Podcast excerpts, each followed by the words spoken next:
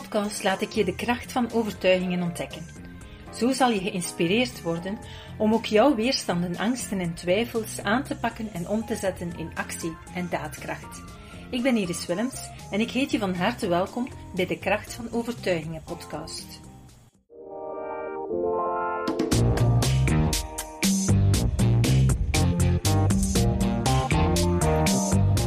In deze podcast ga ik het vandaag hebben over de reden waarom we onszelf bepaalde dingen eigenlijk niet gunnen.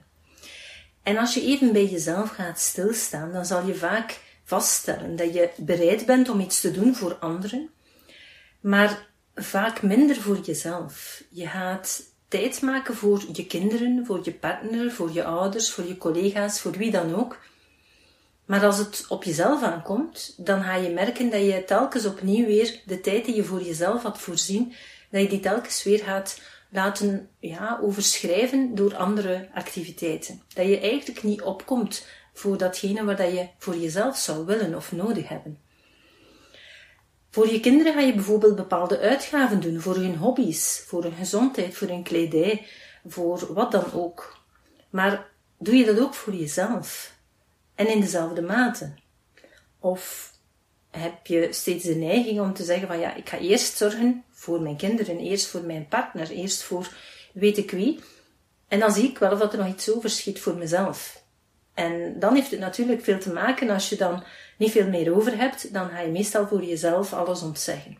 Heel jammer, want eigenlijk ben je evenwaardig aan alle anderen. En dus op zijn minst ja, is het ook van belang om ook aandacht voor jezelf te hebben.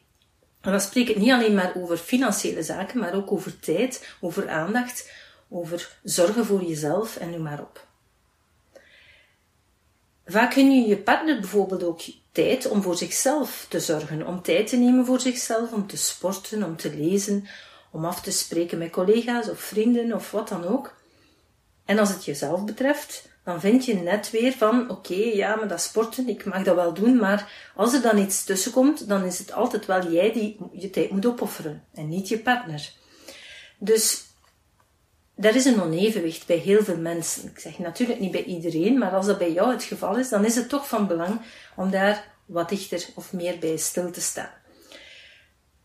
Waarom zet je elke keer jezelf aan de kant? Waarom is het zo moeilijk om voor jezelf op te komen, om voor jezelf te zorgen? Waarom voel je jezelf altijd met een schuldgevoel zitten als je iets koopt voor jezelf? Als je een uitgave doet die alleen maar voor jou bedoeld is? Want heel vaak gaan we dan wel geld uitgeven aan bepaalde dingen als het ook voor anderen nuttig is. Maar als het alleen maar voor onszelf is, dan voelen we daar toch weer die, die twijfel, die knoop. En dan gaan we dat niet doen. En dat kan dan je toekomst misschien wel bepalen. Het kan zijn dat je voelt van, ik heb een bepaalde opleiding nodig, of ik wil een bepaalde cursus volgen, of ik wil een hobby gaan uitoefenen. En als je dat zou doen, zou je misschien helemaal openbloeien, zou je je misschien veel beter in je vel voelen, veel aangenamer zijn voor je omgeving.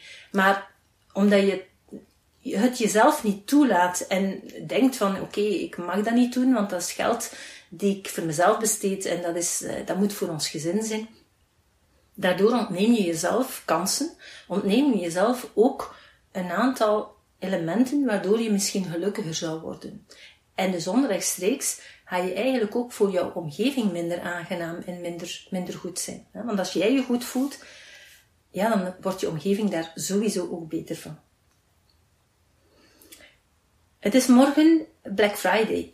Ehm, ik neem het nu op de dag voor Black Friday, de donderdag, ehm, 25 november. En 26 november is Black Friday. Dat is traditioneel een koopjesdag, een dag waarop er heel veel promoties zijn. En normaal ben ik daar zelf niet zo'n voorstander van om daaraan mee te doen. Maar aan de andere kant merk ik dat het voor sommige mensen toch een klein duwtje in de rug geeft om dan toch voor zichzelf soms iets aan te schaffen. Iets wat ze al lang al willen, maar het niet doen, omdat ze denken van ja, ik kan dat voor mezelf niet besteden. Maar op het moment dat iets in korting komt, dan, ja, dan worden ze misschien toch een klein beetje getriggerd om te zeggen, oké, nu, nu mag ik het mij wel veroorloven. En dat is ook aan de ene kant jammer dat je moet wachten op korting, opnieuw, omdat je denkt dat jij het niet waard bent om de volle pot voor jezelf te betalen. Bij wat je ook koopt. Dus ook daar merk je dat we heel vaak, uiteraard ga je heel vaak uitkijken, ook voor je kinderen enzovoort, om iets in koopjes te kopen.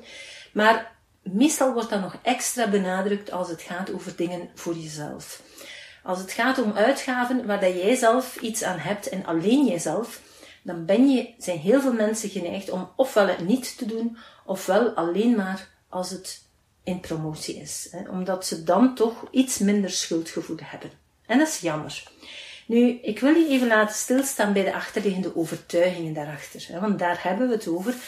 Elk gedrag wordt gestuurd door jouw overtuigingen.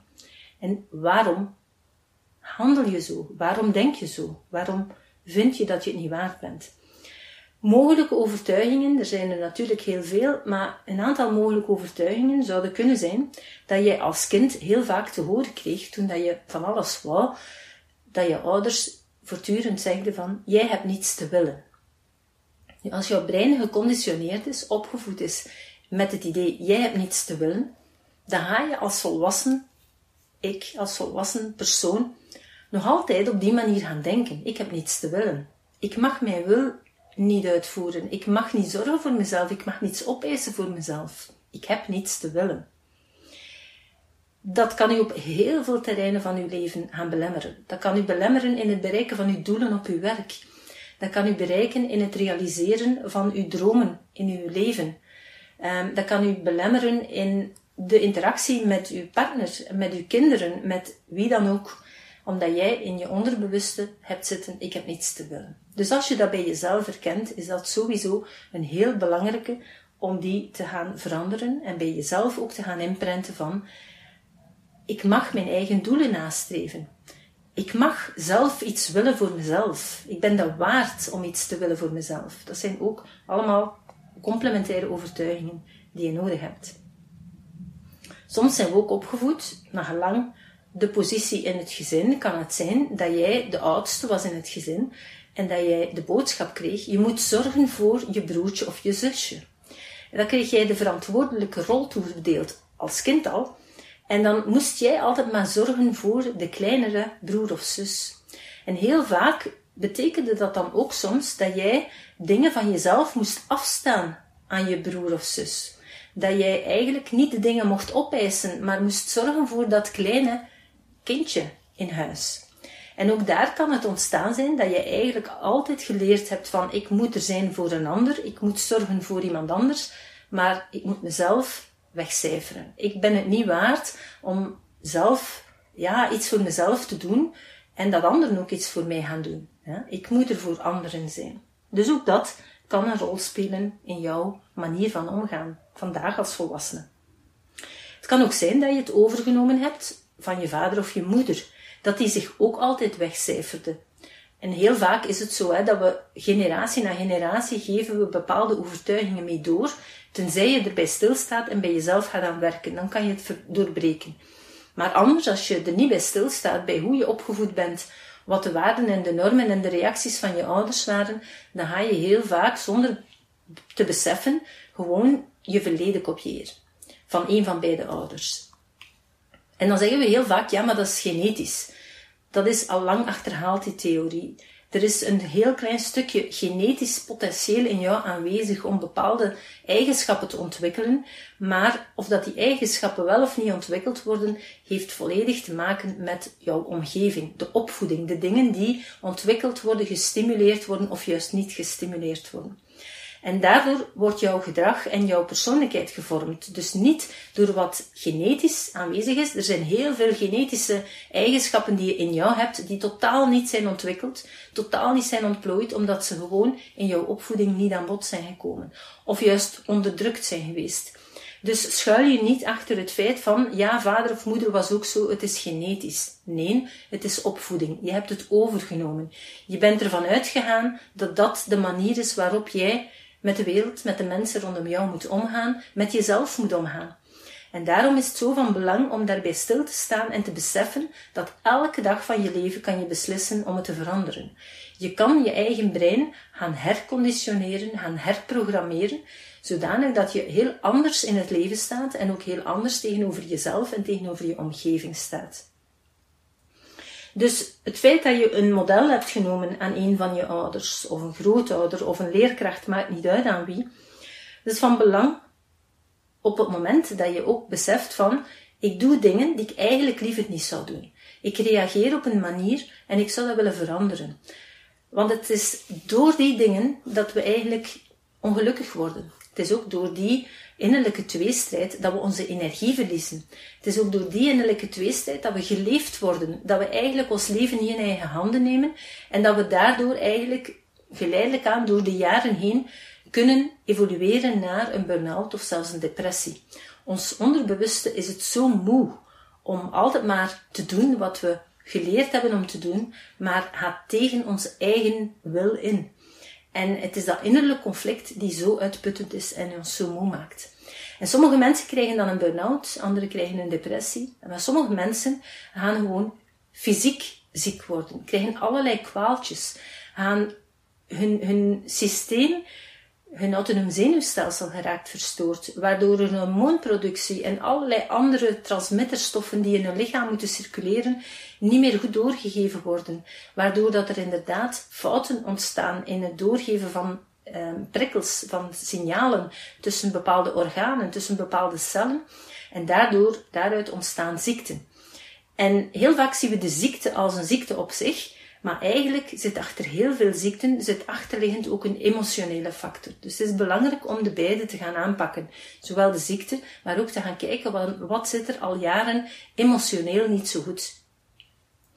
Dus bij jezelf gaan kijken welk zijn de overtuigingen die ik aangeleerd heb en die eigenlijk in conflict zijn met wat ik zou willen doen. Sommigen zijn ook opgevoed met het idee, als ouder moet je altijd eerst zorgen voor je kinderen en jezelf op de laatste plaats zetten. En pas op, je moet mij niet horen zeggen dat ik zou zeggen, uh, je moet jezelf op de eerste plaats zetten en je kinderen op de laatste. Dat is niet wat ik bedoel. Maar eigenlijk horen jullie niet op een, een rangorde te staan. Iedereen is even belangrijk. Dus het is belangrijk dat die middelen, welke middelen het ook zijn, aandacht, tijd, geld, dat die evenredig verdeeld worden. En de ene hoeft niet minder dan de andere te hebben. En dat is van belang. Het is niet dat er een hiërarchie is van alles moet naar de kinderen gaan en niets naar de ouders, of omgekeerd. Geen van beide is eigenlijk goed. Dus het is zorgen voor elkaar en zorgen als iedereen een stukje krijgt en als iedereen evenveel aandacht krijgt bijvoorbeeld, evenveel tijd voor zichzelf krijgt, evenveel middelen voor zichzelf krijgt, dan kan hij zich ontplooien, kan hij zich goed voelen op zich. En dan ga je veel minder frustratie hebben en ga je eigenlijk ook elk op zich veel beter in zijn vel laten voelen.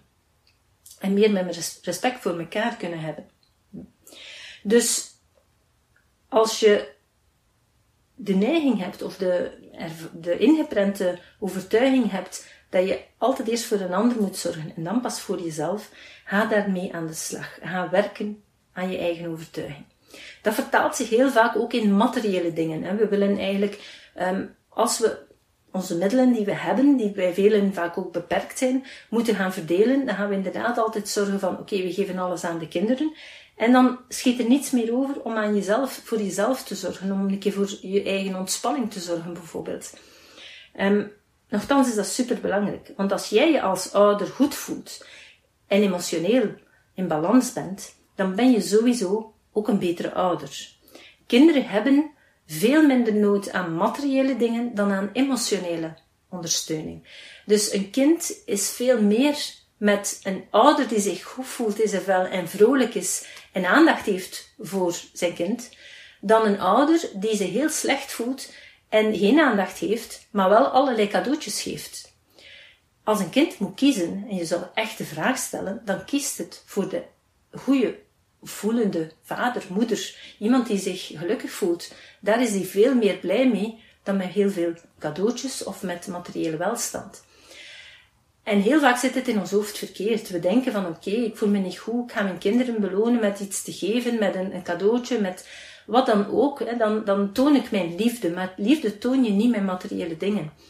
Liefde toon je met aandacht, met genegenheid, met erkenning, met affectie, met tijd. En zorgen voor jezelf is een eerste noodzakelijk element om daarna te kunnen zorgen voor anderen. Om tijd en aandacht voor anderen te kunnen hebben. Als je geen tijd hebt voor jezelf, geen aandacht hebt voor je eigen behoeften, je eigen noden, je eigen ontwikkeling, dan ga je die ook niet kunnen geven aan anderen. Dan ga je dat proberen te compenseren via andere kanalen, zoals materiële zaken. Dus probeer bij jezelf even stil te staan. Waarom hun ik mezelf niet de tijd die ik wil? De tijd om te sporten, de tijd om een boek te lezen, de tijd om aan zelfontwikkeling te doen, de tijd om een cursus te volgen. Wat dan ook, wat je maar wil. En ook de middelen om dat te kunnen gaan doen. Waarom zou jij niet mogen het lidgeld betalen van de sportclub waar dat jij heel graag naartoe wil gaan? Of het uh, lidgeld betalen om bijvoorbeeld aan zelfontwikkeling te doen via, zoals wij bijvoorbeeld aanbieden, Pranaflix of wat dan ook. Um, Waarom zou jij dat voor jezelf niet mogen? En zou je dat dan wel voor een ander doen? Hm? Dus daar zit een onevenwicht. Werk voor jezelf aan die achterliggende overtuigingen, want het weerhoudt je om je eigen in, jezelf in balans te gaan brengen. Een andere overtuiging die ons heel vaak parten speelt, dat is ik moet altijd beschikbaar zijn van anderen. Um, ik hoorde onlangs iemand vertellen, een, een het ging over eigenlijk een stukje tijdsbeheer. En een van de tips was van zet je gsm, bouw periodes in waarin je je gsm helemaal op stil zet. Je zet hem af, je zet geen signalen meer aan, geen mails, berichten, niets. En een moeder die antwoordde, ja maar dat gaat niet, want ik heb kinderen en ik vind dat ik voor mijn kinderen altijd bereikbaar moet zijn. Het zou maar moeten gebeuren dat die iets tegenkomen op straat. En dan denk ik twee dingen. Ten eerste, vroeger waren er geen gsm's en kinderen gingen toen ook op straat en kinderen kwamen toen ook af en toe iets tegen. En dan zijn er nog altijd wel andere middelen om iemand te verwitten. Ten tweede, je kinderen zijn ook niet constant op straat. Ten eerste, uh, want het ging ook over het feit, uh, ja, het waren schoolgaande kinderen, dus die, die zitten op school overdag. Um, als ze op school zitten, ja, dan lopen ze niet op straat. Dan zijn ze niet op hun fiets op straat of wat dan ook.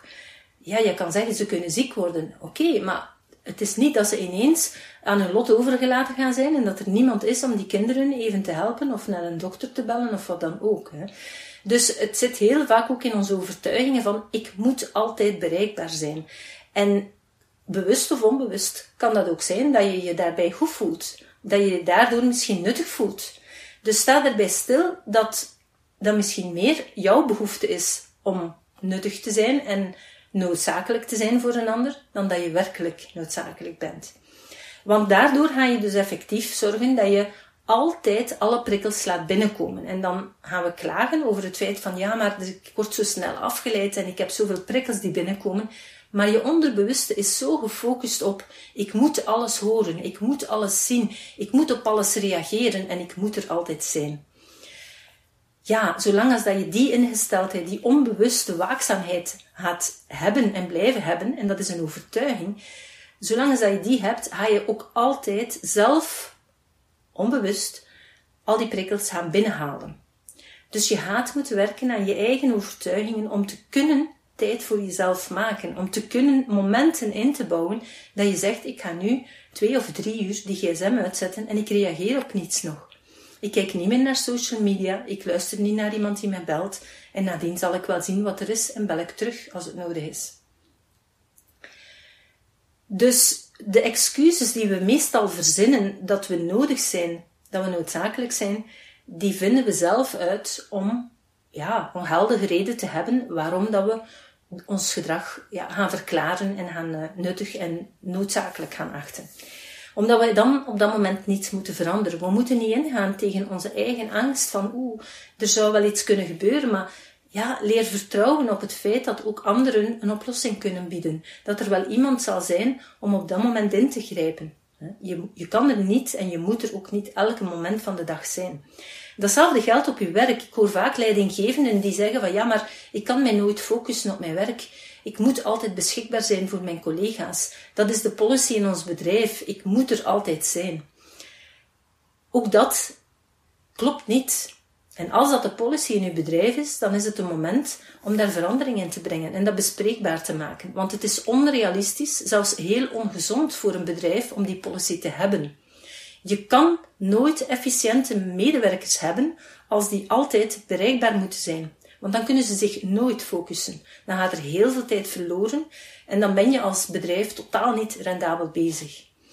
Dus het is meer een overtuiging die we hebben als persoon en die we vaak ook in ons team mee gaan uitdragen. En daardoor gaan onze teamleden dat overnemen. Want de teamleden vinden van hun leidinggevende, ja, ze moeten doen wat dat die leidinggevende vraagt. Dus begin bij jezelf en ga het al eens even aankaarten. Plan en zorg dat opnieuw voor iedereen in jouw team, jouw collega's, of dat die nu boven of onder jou staan, maakt niet uit, dat iedereen momenten heeft waarin hij zich kan focussen. En dan kan de duurtijd daarvan verschillen. Het kan zijn, na gelang de job, dat je zegt, oké, ik kan dat maximum een half uur aan een stuk doen. Maar een half uur is beter dan niets. En dat je dan zegt, oké, een half uur neem ik de telefoons aan en een andere half uur neemt mijn collega die aan. Na gelang de job en de functie waarin dat je zit, zal je andere afspraken moeten maken of moeten zoeken naar momenten waarop dat je dat wel kan. Maar voor iedereen is het ergens wel haalbaar dat er momenten zijn, met afspraken met andere collega's, dat je bepaalde uh, beschikbaarheden kunt gaan overnemen. Het is niet zo dat er elke seconde van de dag hoogdringende gebeurtenissen zijn. En dan kan je altijd afspreken met een collega dat die even backup is voor jou.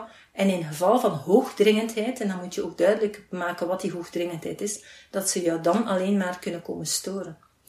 Maar als jij zelf niet begint met die grenzen te trekken, met te communiceren, dat men op dat moment niet bij jou moet zijn en dat je nadien wel beschikbaar bent, met alle plezier, zolang als dat je zelf met die uh, zaken niet gaat beginnen, ga je altijd iedereen op je pad krijgen die jou nodig heeft. Gaat iedereen jou altijd nodig hebben en ga je ook altijd het gevoel hebben van ik kan hier nooit iets voor mezelf doen. Dus ga op zoek naar die achterliggende overtuigingen en verander ze. Wees u dus ook bewust dat het jou mogelijk wel een goed gevoel heeft om zo onmisbaar te zijn. Zowel naar uw kinderen toe, als naar uw partner, als naar uw collega's toe. Maar het is een vals gevoel. Een vals goed gevoel. Want het belast jou heel erg. En dat weet je aan de ene kant. En aan de andere kant, ja, vind je het wel leuk om, dan, om toch te voelen dat mensen jou nodig hebben. Maar ga daarmee aan de slag, want dat zijn overtuigingen rond uw eigen waarde. Rond uzelf graag zien, rond uzelf waardevol voelen, ook al ben je onmisbaar voor anderen. Ook al ben je niet voor iedereen altijd nodig. Dus die overtuigingen prent die ook in. Ik heb ook een uh, eerdere podcast al opgenomen rond het thema Ik heb geen tijd. Daarin heb ik het ook gehad over uh, dat beschikbaar zijn. Dus als je daar uh, dingen in herkent, luister zeker ook nog even die podcast. was podcast nummer 20 over Ik heb geen tijd. Dus als je die dingen herkent, wees u dan bewust dat het misschien wel tijd wordt om in de eerste plaats te leren om je eigen brein te gaan herprogrammeren, te gaan herconditioneren.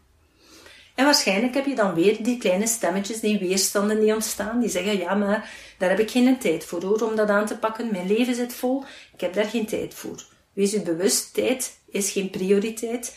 En als je blijft verder doen zoals je doet, zal je altijd tijd tekort hebben en zal jouw leven nooit veranderen. Het kan ook zijn dat je voelt, oh ja, maar het kost geld en daar heb ik geen tijd voor, daar heb ik geen geld voor. Opnieuw, waar besteed je wel geld aan? Voor dingen, voor anderen waarschijnlijk. Zaken die je misschien voor het gezin kan gebruiken. Maar besteed nu eens voor één keer wel geld aan jezelf, zodanig dat je jezelf beter kan voelen, zodanig dat je kan groeien en evolueren. En als jij je beter voelt, ga je automatisch heel veel meer aan je omgeving geven, aan je kinderen, aan je partner. Die zijn daar veel meer mee dan dat beetje geld die je nu aan jezelf gaat besteden. Misschien heb je het stemmetje van, ja, wat gaat mijn partner ervan vinden? Opnieuw, wat jouw partner daarvan vindt, is zijn probleem. Jij moet kiezen voor jouw doelstellingen. Als jouw partner wil gaan sporten, ja, dat kan zijn dat jij denkt van, oh ja, dat, dat is nutteloos, dat, dat vind ik niet tof, enzovoort. Maar als hij dat wil doen en hij wordt daar gelukkig van en hij heeft daar een betere conditie van en hij is daar blijer van, waarom zou je dat dan tegenhouden want jij wordt er dan ook beter van als iemand zich gelukkig voelt. En omgekeerd is dat ook. Als jij voor jezelf iets wil gaan doen en jouw partner staat daar niet achter, kies toch voor jezelf. Want als jij iets doet en je wordt er beter van, gaat jouw partner daar op termijn ook beter van worden. Dus zolang als dat je op die manier blijft denken, ga je geen verandering krijgen in je leven. Je zult altijd op de 35ste plaats komen als je jezelf altijd op die 35ste plaats zet. Niemand zal u zeggen van, doe dat nu een keer voor uzelf. Of toch heel weinig mensen zullen dat doen. Meestal, als jij ervoor kiest om het altijd voor een ander te doen, zal de ander dat graag, graag aannemen en zal je altijd op de zoveelste plaats blijven komen. En automatisch gaat je je onbewust blijven frustreren daarin. Veel mensen frustreren zich erin dat ze zelf op de 35ste plaats komen, terwijl ze zelf altijd de keuze maken om zich op die plaats te zetten. En dat is niet eerlijk. Je kan een ander niet kwalijk nemen dat je op die zoveelste plaats komt als je jezelf daar altijd gaat stellen. Dus begin bij jezelf en verander dat. Anders gaat het niet veranderen. Op de duur ga je merken dat je ook meer fysieke kwaaltjes gaat krijgen. Niet alleen mentale kwaaltjes van stress en van concentratieproblemen en ergernis en frustratie, maar je gaat ook fysieke kwaaltjes beginnen krijgen. Omdat doordat uw autonoom zenuwstelsel elke keer verstoord geraakt door uw innerlijke stress, gaan eigenlijk ook uw um, de transmitterstoffen tussen je neuronen gaan daar ook verstoord geraken. Ga je eigenlijk ook minder de signalen tussen de verschillende cellen gaan doorgeven. En daardoor krijg je verstoring in je organen en van alles.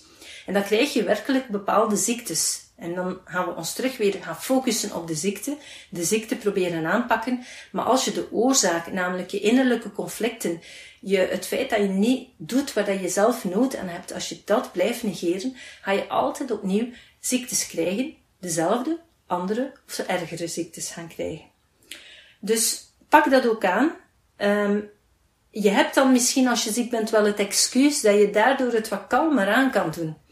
Maar omdat er niets veranderd is in jouw overtuigingen, ga je dan merken dat van het moment dat je je weer een beetje beter voelt, dat je meteen weer je oude patroon gaat aannemen. Dat je weer niet meer luistert naar jezelf, dat je jezelf weer begint weg te cijferen dat je weer opnieuw ziektesymptomen krijgt. En zo krijg je eigenlijk een spiraal. Een negatieve spiraal van kwaaltjes, van klachten, van een slecht gevoel, eh, van twijfel aan jezelf, van allerlei fysieke klachten, maar ook van mentale problemen, van concentratiemoeilijkheden. En natuurlijk, dan krijg je daardoor eigenlijk ook weer al minder energie. Doordat je minder energie hebt, gaat alles veel trager, heb je minder tijd beschikbaar. Omdat je minder tijd beschikbaar hebt, ga je jezelf nog meer wegcijferen en dit gaat van kwaad naar erger. Er is maar één oplossing en dat is leer tijd maken voor jezelf. Leer uw belemmerende gedachten aan te pakken en leer die te herconditioneren, te herprogrammeren. Want anders ga je altijd in dezelfde situatie blijven komen. Hun het jezelf. Dus ik ga daarmee ook afronden voor vandaag. Gun het jezelf. Zoals ik al zei, morgen dus de moment dat jij deze podcast beluistert, is het Black Friday. En Black Friday en maandag is het, noemen ze Cyber Monday. En meestal gaat men dan daar ook nog een extra verlenging aan koppelen. En dat wil ik eigenlijk ook doen voor de luisteraars die nu luisteren. Um, we hebben eigenlijk een speciale actie omwille van Black Friday. Die geldt dus tot vanavond uh, 26 uh, november om 23.59 eh, uur, dus middernacht. Maar voor de podcastluisteraars gaan we die ook verlengen tot maandagavond. Omdat niet iedereen op vrijdag zal luisteren en mogelijk dit weekend nog gaat luisteren, willen we die voor de, uh, de podcastluisteraars ook nog gaan verlengen. Wat is het aanbod wat ik u eigenlijk wil, graag wil gaan aanbieden voor deze bijna eindejaarsperiode? Wel, je kan gedurende drie maanden meedoen met de Self-Coaching Season School. In de Self-Coaching Season School, daar leer je alle methodes die je nodig hebt om stress te leren onder controle krijgen, mentaal tot rust te leren komen, je autonoom zenuwstelsel weer in balans te brengen, zodanig dat je weer je energie kan gaan leren opbouwen. En je leert ook alle methodes om je brein te gaan herprogrammeren, herconditioneren en die overtuigingen te veranderen. Je gaat leren stilstaan bij de overtuigingen die je hebt. Je gaat ze meteen, meteen leren aanpakken en herconditioneren. En zo stapsgewijs aan jezelf en aan je doelen te gaan werken. Um, je krijgt toegang tot heel wat video's. Het is eigenlijk een 23 stappenplan, waarvan dat uh, de eerste 12 stappen ook online nog eens in live sessies worden extra begeleid waarbij je um, om de twee weken naar een live sessie kan uh, luisteren, eraan deelnemen. Je kan vragen stellen, schriftelijk of mondeling, live op dat moment. En je krijgt meteen ook antwoorden. Maar je wordt ook gestimuleerd om met de verschillende methodieken stapgewijs aan de slag te gaan. Dus we nemen je eigenlijk gedurende drie maanden bij de hand, zodanig dat je gemotiveerd en gestimuleerd wordt om met die verschillende methodes te gaan werken. Um, en je gaat zelf um, van start gaan met de video's die opgenomen zijn. Dus je kan op je eigen tempo alles bekijken, herbekijken, oefenen. Er zijn audio-oefeningen om je te helpen. Um, en die heb je eigenlijk volledig beschikbaar gedurende die drie maanden. En die drie maanden loopt normaal gezien vanaf januari tot eind maart. Daarover loopt de self-coaching Season School over die periode. Nu, voor deze Black Friday uh, actie gaan we starten vanaf, gaan we je de toegang geven vanaf 15 december. Je krijgt dus eigenlijk 14 dagen extra toegang tot volledige platform met die technieken. En je krijgt ook meteen, na registratie, al toegang tot een paar extra's. En die extra's zijn onder andere een training die gaat over haal het maximale uit je brein, waar je al heel wat uh, theorie kan gaan bekijken van hoe je brein werkt en hoe je aan de slag kan gaan. En je krijgt ook toegang tot de twee online self-coaching boeken, de volwaardige boeken, volledig van ongeveer elk 200 bladzijden. Die krijg je in pdf beschikbaar, dus je kan al beginnen met daarin ook te gaan lezen. En vanaf 15 december krijg je dan toegang tot de volledige self-coaching training, bestaande uit die 23 stappen, met alle video's en audio-oefeningen. En vanaf januari starten dan de tweewekelijkse online live sessies. En als je er niet bij kan zijn, dan kan je eigenlijk ook elke keer de opname gaan bekijken. In de periode uh, januari tot maart vallen de Season School sessies telkens op dinsdagavond, startend op 11 januari. Om de twee weken hebben we een live online sessie. Dus je kan het vergelijken met het feit dat je alle technieken en alle methodes via video's die opgenomen zijn op voorhand kan gaan bekijken op je eigen tempo. Kan gaan oefenen op je eigen tempo. En dan heb je twee wekelijks een online live sessie waar je onder begeleiding van een trainer, coach, um, alle stappen gaat um, gemotiveerd gaat krijgen om, om ermee aan de slag gaan, te gaan en je eigen vragen kan stellen. Zoals in een, een normale training, een live training, fysieke training, ja, kan je ook je vragen stellen. Wel, dan kan je dat ook hier doen.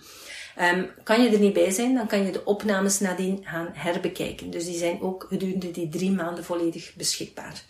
Dus op die manier kan je zelf op je eigen tempo aan de slag gaan. Ongeveer met een kwartier, een half uur per dag ga je hele grote stappen zetten, ga je heel snel evolueren, ga je ook voelen dat je energie toeneemt, je zelfcontrole toeneemt en dat je in staat bent om jouw eigen overtuigingen te gaan herprogrammeren. Wil je daarmee aan de slag gaan? Ga dan naar https dubbelpunt schuine streep schuine streep prana.be schuine streep selfcoaching een liggend streepje, gewoon een, een koppelteken, season, en season schrijf je S-E-A-S-O-N, koppelteken, school, school geschreven, streepje, actie, streepje, BF van Black Friday. Dus prana.be, schuine streep, self-coaching, liggend streepje season, liggend streepje school, liggend streepje actie, liggend streepje BF. En daar kan je de actie vinden. Die is eenmalig, één keer per jaar. Nu specifiek voor Black Friday kan je aan deze voordeelprijs gaan deelnemen. Die is echt uitzonderlijk en alleen maar geldig op Black Friday en voor de podcastluisteraar tot en met de maandag Cyber Monday kan je die ook nog gaan uh, reserveren. En dan ga je meteen uh, van start gaan met de extra modules die je beschikbaar krijgt. En vanaf 15 december krijg je toegang tot de volledige training tot en met eind maart. Ik hoop je vandaag opnieuw geïnspireerd te hebben om aan de slag te gaan voor jezelf, met jezelf en met je brein. En om op die manier naar volgend jaar toe grote stappen te kunnen zetten in de richting van jouw eigen doelen en eindelijk je leven in je eigen handen te nemen. Veel succes! Super tof dat je hebt geluisterd naar de Prana Mental Excellence podcast. Ik hoop dat je het waardevol vond en dat je er inzichten uit hebt kunnen halen voor jezelf en voor je eigen business. Vond je het een waardevolle podcast, dan zouden we het heel erg waarderen als je dit zou willen delen. Enerzijds door dit te delen via je eigen Instagram of LinkedIn. Maar wat we nog meer zouden waarderen als je tijd en moeite zou willen nemen om ons een review achter te laten. Werk je met een Apple-telefoon, dan kan je dat doen binnen je eigen podcast-app door daar een review te geven. Geef ons een x aantal sterren met daarbij een korte motivatie wat je van onze podcast vindt. En werk je met een Android-telefoon, dan zie je dat de meeste apps geen review-mogelijkheid hebben. Wat we dan heel erg zouden waarderen, is als je op Google Prana Mental Excellence zou willen intypen en vervolgens via de Google Review sectie iets zou willen vertellen over Prana, wat je van ons vindt en wat je aan onze podcast hebt gehad. Alvast heel erg bedankt. Ik hoop dat je er volgende week weer bij bent bij onze volgende aflevering van de Kracht van Overtuigingen podcast.